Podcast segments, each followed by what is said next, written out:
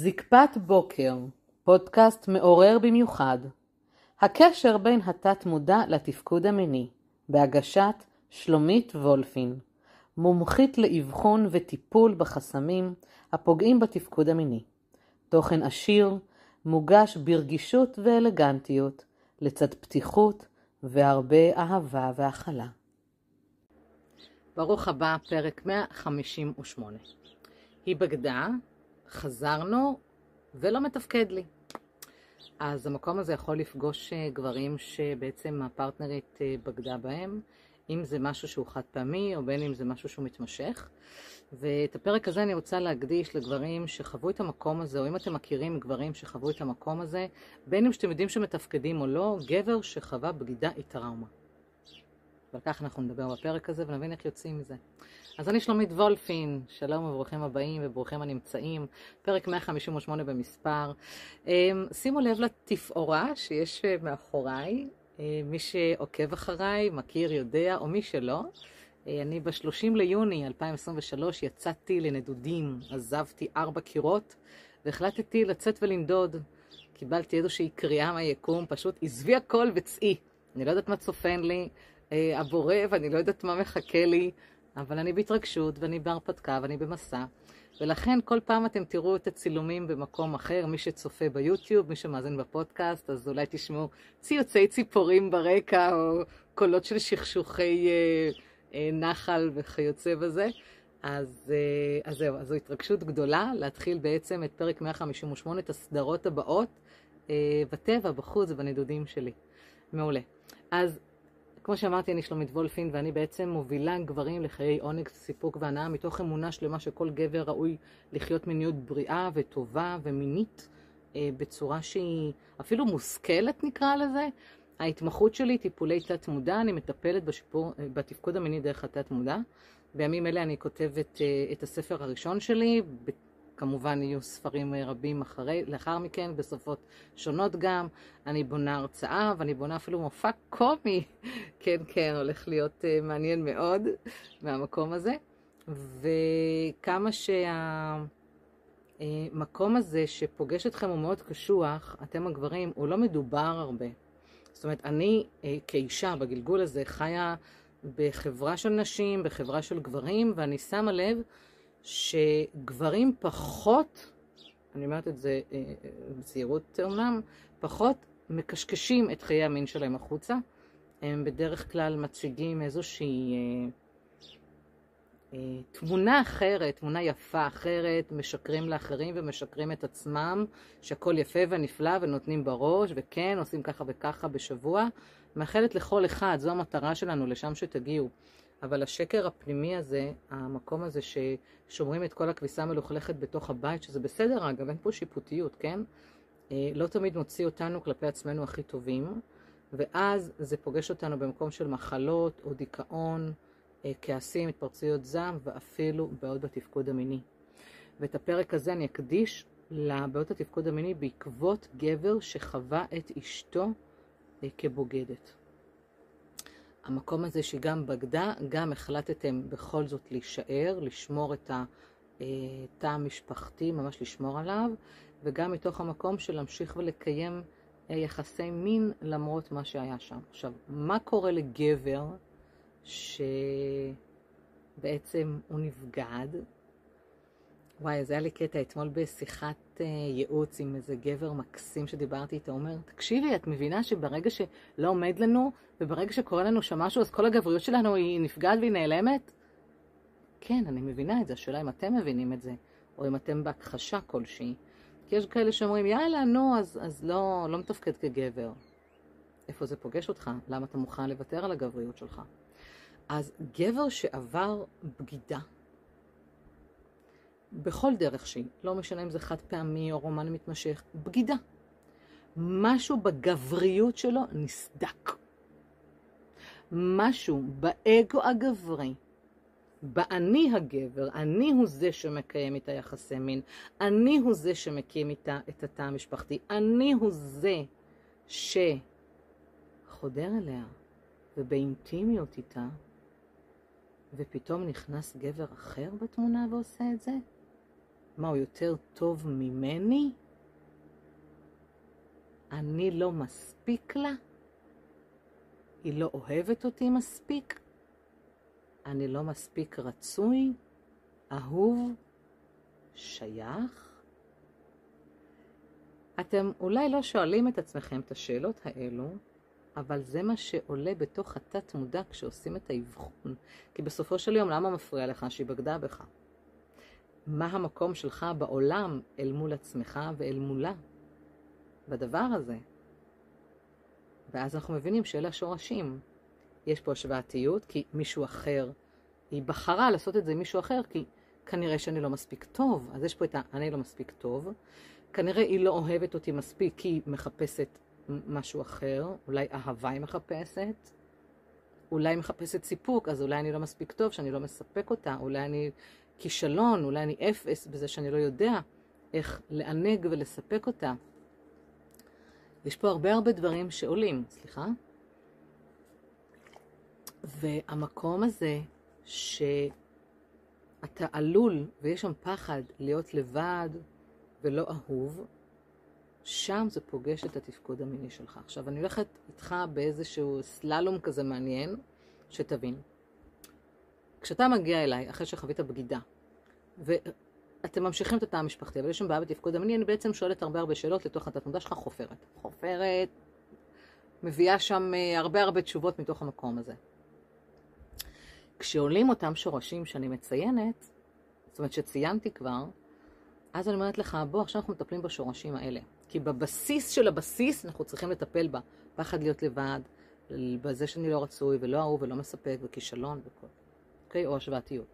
ברגע שאנחנו מטפלים במקומות האלה, לאחר שחזרתם והמשכתם את התא המשפחתי, ולאחר שעשינו תהליך שהוא מאוד קשוח במקום של סליחה עצמית קודם, כי בעצם מה בי גרם לה לחפש משהו בחוץ. עכשיו, אין פה אשמה. תורידו אשמה. אתם לא אשמים שלך לחפש משהו בחוץ, זה הבחירה שלה. אבל מה בי בפחדים שלי, באמונות שלי, בתת מודע שלי, באנרגיה שלי גרם למקום הזה. עכשיו, אני מדברת אולי קצת גבוה ואפילו אולי קצת מעצבן לרגע, אבל כל דבר שקורה לנו בסביבה שלנו, זה אנחנו. זה לא הם. אין לנו שליטה על אף אחד, אין לנו אחריות על אף אחד, רק על עצמנו. וברגע שהסנטר שלנו מספיק חזק, מספיק יציב, עמוד שדרה חזק, אין סיבה שיקרו דברים מסוימים במרחב שלנו.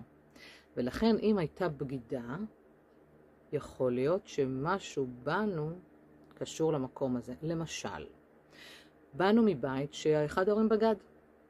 אז יש לנו מודל של בגידה. אז אם לא ניקינו את המקום הזה ובאנו לתוך מערכת יחסים עם הדבר הזה, בעצם הבאנו את האנרגיה הזו למרחב. Hmm, יכול להיות שזה קצת קשוח מה שאני אומרת. אם אה, אתם מגיעים לתוך מערכת זוגית שבה אתם בביטחון עצמי נמוך, ביטחון מיני נמוך, בואו, זו אנרגיה. מרגישים את זה. אז אישה שמחליטה לצאת החוצה ולספק את עצמה אחרת, זה מתוך המקום הזה שהיא חוותה את האנרגיה הזוגית הזו.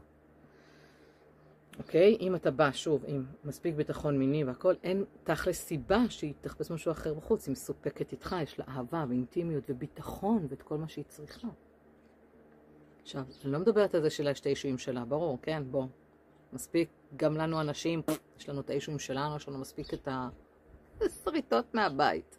אבל קודם כל לפגוש את מה שבך. עכשיו, למה אני אומרת את זה? כי כשגבר כבר עובר אצלי תהליך, אנחנו בכמה מפגשים פורמים את המקומות האלה ומתקנים את הפחד להיות לבד, לא אהוב, לא רצוי, לא שייך, לא מספק, אני כישלון, אה, בהשוואתיות וכל זה, בהשוואתיות. כשאנחנו מנקים את המקום הזה, הוא מקבל אה, ביטחון, ואז הוא מגיע חזרה לאותה מערכת יחסים איתה בצורה שהיא בריאה, ואז היא אומרת, וופה, מה יש לי פה? גבר שאין לו בעיה ופחדים, וגבר שבטוח בעצמו, וגבר שעכשיו פתאום קשוב לצרכים שלי ויודע לספק אותי, ואין לו את האגו שלו שמנהל אותו, וואלה, את זה אני רוצה, את זה אני אוהבת. אז משהו אחר קורה שם במרחב. כמובן שיש תהליך סליחה עוד עמוק לעשות מול המקום הזה של הבגידה. עצם הבגידה היא טראומה, עצם הגילוי זה טראומה, יש שם עבודה לעשות. בואו, זה לא הוקוס פוקוס בצ'יק אצל כל אחד, אוקיי? יש פה לפעמים ממש תהליך שצריך לעבור אותו, אבל כן אני אומרת שאפשר לשקם את המקום הזה. זה, זה נוראי שבוגדים בנו. זה נוראי. בואו, אני לא מקלילה את זה. אני ממש לא מקלילה את זה. זה נוראי וזה לא נעים, זה אחד מה... מהבומבות, זו אחת מהבומבות הכי הכי קשות שבן אדם יכול לחוות. בין מחלה לבין מוות, זה, זה גם uh, בגידה, אוקיי? Uh, גירושים, אני, אני ממש לוקחת את זה למקום הזה, ואני אני לא, לא שוללת את זה, אוקיי? אז uh, בגידה לכשעצמה היא טראומה. שצריך לנקות אותה כמה שיותר מהר, זאת אומרת, יש כאלה שבאים אליי אחרי הרבה הרבה שנים, אבל מה לעשות, כל אחד והבשלות שלו. לנקות את זה כמה שיותר מהר, את כל הרגשות ואת כל התחושות. עכשיו, זה לא אומר, ואני תמיד אומרת את זה בכל הפרקים שלי, זה לא אומר שאתה תשכח את האירוע ואת מה שהיא עשתה. זה אומר שאתה תגיב לה אחרת. זה מה שזה אומר. אתה תגיב אחרת, ובכך מכיוון שאתה בא עם בעיה בתפקוד המיני, התפקוד המיני יחזור לפעול. איך זה עובד? שוב, אנחנו מנקים, מציפים את כל השורשים, מתחילים לנקות אותם, אחד אחרי השני, אחד אחרי השני, ואז אתה רואה לאורך ימים, שבועות ואפילו חודשים את כל המקום הזה של וואלה, דברים משתחררים, דברים יותר רגועים, אני מקבל דברים, אני רואה דברים אחרת, אני מתנהג אחרת, אני מגיב אחרת, ההתנהלות שלי היא שונה, ואז כשאתה הסנטר שלך שונה, זה משפיע על הסביבה. ואז כשאין את אותם חסמים ועכבות שבעצם גרמו לך לבעיה בתפקוד המיני, פק, התפקוד המיני חוזר, כי כבר אין מה שישרת אותו. זאת אומרת, הגוף שלנו, החיבור הגוף נפש, המוח שבעצם מנהל אותנו פה, המוח התת מודע, בעצם הוא שולח אותות. וכשאתה נפגעת ונבגדת ואיבדת אמון ולא הצלחת לסמוך עליה יותר, ובכל זאת אתה רוצה להשאיר את התא המשפחתי מסיבותיך אלו ואחרות, הגוף שלך מנהל אותך, הוא אומר, איך אני אחדור לחלל של האישה הזו שבגדה בי, שמעלה באמוני, שלחה עם גבר פאקינג אחר, סליחה על הצרפתית שלי, איך אני אמור עכשיו לחדור אליה וקיים איתה יחסי מין? איך? בוא, לא, לא הגיוני. על פניו לא הגיוני. אז פלא שהוא נופל, פלא שהוא צונח, פלא שפתאום הוא גומר בשניות, או אפילו גומר בתחתון כי הוא לא רוצה לחדור. ברור שככה הוא יתנהג. אני, ואני אומרת, הוא, אמנם זה איבר, זה, זה אנחנו, אבל, אבל זה חלק, זה הוא, הוא פשוט מחליט. הוא מספיק חכם, כי הגוף שלך, בתת המודע שלך מוטט שהוא לא רוצה, שיש שם משהו לא נעים. ואז הוא מפיל אותו, הוא אומר, אני לא רוצה לחדור לשם. בתת מודע שלך אתה לא רוצה לחדור אליה, אבל אתה מתעקש, כי מה יגידו בסביבה, ואני רוצה לרצות, ואני רוצה שהיא תחזור לאהוב אותי, ואני פוחד להיות לבד. אלה מנהלים אותך, זאת אומרת, לא, אני, אני אחזור לקיים איתה יחסי מין, אני אהיה איתה באינטימיות, אבל המוח שלך יותר חכם ממך. התת מודע שלך הרבה יותר חזק, והוא מנהל אותך. אבל מה יפה בתת המודע? שהוא גמיש, ואפשר בעצם ליצור תכנות מחדש למקום הזה. וזה בדיוק מה שאנחנו עושים, זה לתכנת מחשב. המוח הזה הוא מחשב פנומנל. פשוט, יש פה, אי אפשר, אי אפשר להסביר כמה פנומנלי הדבר הזה. ואתה יכול לשלוט בו. אתה יכול ממש לפקוד פקודות ולהגיד שאיבר המין שלך עכשיו חוזר לתפעל. הוא צריך את ניקוי כל השורשים האלה, אבל הוא יחזור לתפקד. ובכך אתה תגיע, למרות הבגידה ולמרות מה שהיה, למצב שאתה יכול להיות באינטימיות כבר איתה, למצב שאתה אפילו אולי יכול לנקות את האשמה ואולי אפילו לחזור לסמוך עליה. אוקיי? וגם אם אתה עדיין מדשדש בין המקומות האלה, אז כן להיות במקום שאתה מסוגל עדיין להיות בקיום יחסי מין טובים, מלאים, למרות מה שהיה. איך זה נשמע לך? קשוח? מה אתה אומר? כי מצד אחד, יש מי שיגידו, מה אתה חוזר אליה? מה אתה נורמלי? היא בגדה בך. מצד אחר יבואו ויגידו, תשמע, כל אישה שנייה בוגדת. מצד נוסף יגידו, אה, תקשיב, זה חשוב, למרות מה שהיה לשמור על התא המשפחתי. אה, עם הזמן זה יעבור. אוקיי. כל העצות מסביב טובות ויפות. השאלה היא מה אתה בפנים עמוק חושב ומאמין. האם אתה מתנהל לפי דעות של אחרים, האם אתה חושב דעות של אחרים, או שאתה לרגע קשוב לעצמך. אוקיי? כי יש מקומות, ואני אפילו באתי ממקומות וחוויתי בתים שאמרו, אצלנו לא מתגרשים. בסדר, לא מתגרשים, אבל לפחות תעשו עבודה פנימית ותתקנו את זה. אצלנו לא מתגרשים. בסדר, לא מתגרשים, אבל מה? אז לא לתפקד? שלא יעמוד עד שתמות? שלא תוכל להיות באינטימיות עם אישה עד שתמות, ואתה גם פוחד אולי ללכת למישהי אחרת, או שאתה להפך רוצה ללכת למישהי אחרת כדי להוכיח את עצמך, או דברים כאלה. אלה באמת החיים שאתה רוצה? זה מה שאתה מאחל לעצמך? לזה אתה ראוי? אני בספק. אז קודם כל, לפני כל הרעשי רקע מסביב, תשאר רגע עם עצמך ותשאל, מה אני רוצה? במה אני מאמין? תנקה את האמונות של אמא ואבא, תנקה את האמונות של הדודים והדודות, תנקה את האמונות של האחים שלך והאחיות שלך, תנקה את האמונות של החברים שלך, זה שלהם, הם לא חווים את מה שאתה חווה. אף אחד לא חווה את מה שאתה חווה, אף אחד לא יכול להבין את מה שאתה חווה, גם אם יש לך חבר שאשתו בגדה בו, הוא עדיין לא יבין את מה שאתה חווה, כי זה אתה. אתה ועולם האמונות שלך, ועולם הערכים שלך, והמקום שאתה גר בו ונמצא בו ומפרנס, והבריאות שלך, והנראות שלך, והכל מי שאתה. אף אחד לא יכול להבין אותך.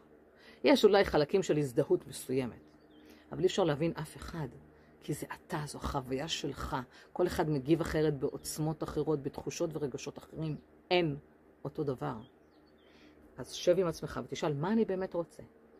ואם החלטת בלב שלם למחול במקום הזה, שזה אדיר, זה אדיר, ז, זו מעלה נדירה ואדירה אם תצליח להגיע למקום הזה של תמחל, אוקיי? גם לעצמך וגם לה ולמצב. ולהחליט שכן אתה משקם את התא המשפחתי, תבדוק מה אתה מוכן לפגוש. איזה שורשים, איזה פצעים, כדי לנקות את המקום הזה ולהבריא. אז uh, לנוכח uh, ציוצי הציפורים שככה רוקדות על הגג בחושה שאני נמצאת בה ומאירות את uh, הבוקר הנפלא הזה, אני מאחלת לך שתצליח לחזור לתפקד בתוך המקום הזה. אני אומרת לך שזה אפשרי, אבל אתה צריך לבחור כמה זמן אתה מוכן למשוך את זה. אם אתה שומע או צופה בפרק הזה, ואתה אומר, וואי, שלומית, עברו רק כמה חודשים לטפל בזה עכשיו, תתחיל עכשיו. אם כבר עברו שנים, ולפעמים אפילו אנשים גוררים 10 ו-20 שנים, תשאל את עצמך אם אתה מוכן עוד 10-20 שנים לגרור את זה ולמות עם זה, או שאתה מוכן כבר לטפל בזה. ואם אתה תבוא ותגיד, די, מה, אין מה לעשות, זה כבר אבוד, אל תבוא אליי. אני לא מדברת עם אנשים שמבחינתם זה אבוד. אני מטפלת באנשים שאומרים לי, שלומית, אני על זה, ימות העולם, אני מתאבד על זה, אני רוצה להצליח, אני ראוי לחיות עד יום מותי בצורה הכי טובה מבחינה מינית, ומבחינה זוגית, ומבחינה אינטימית.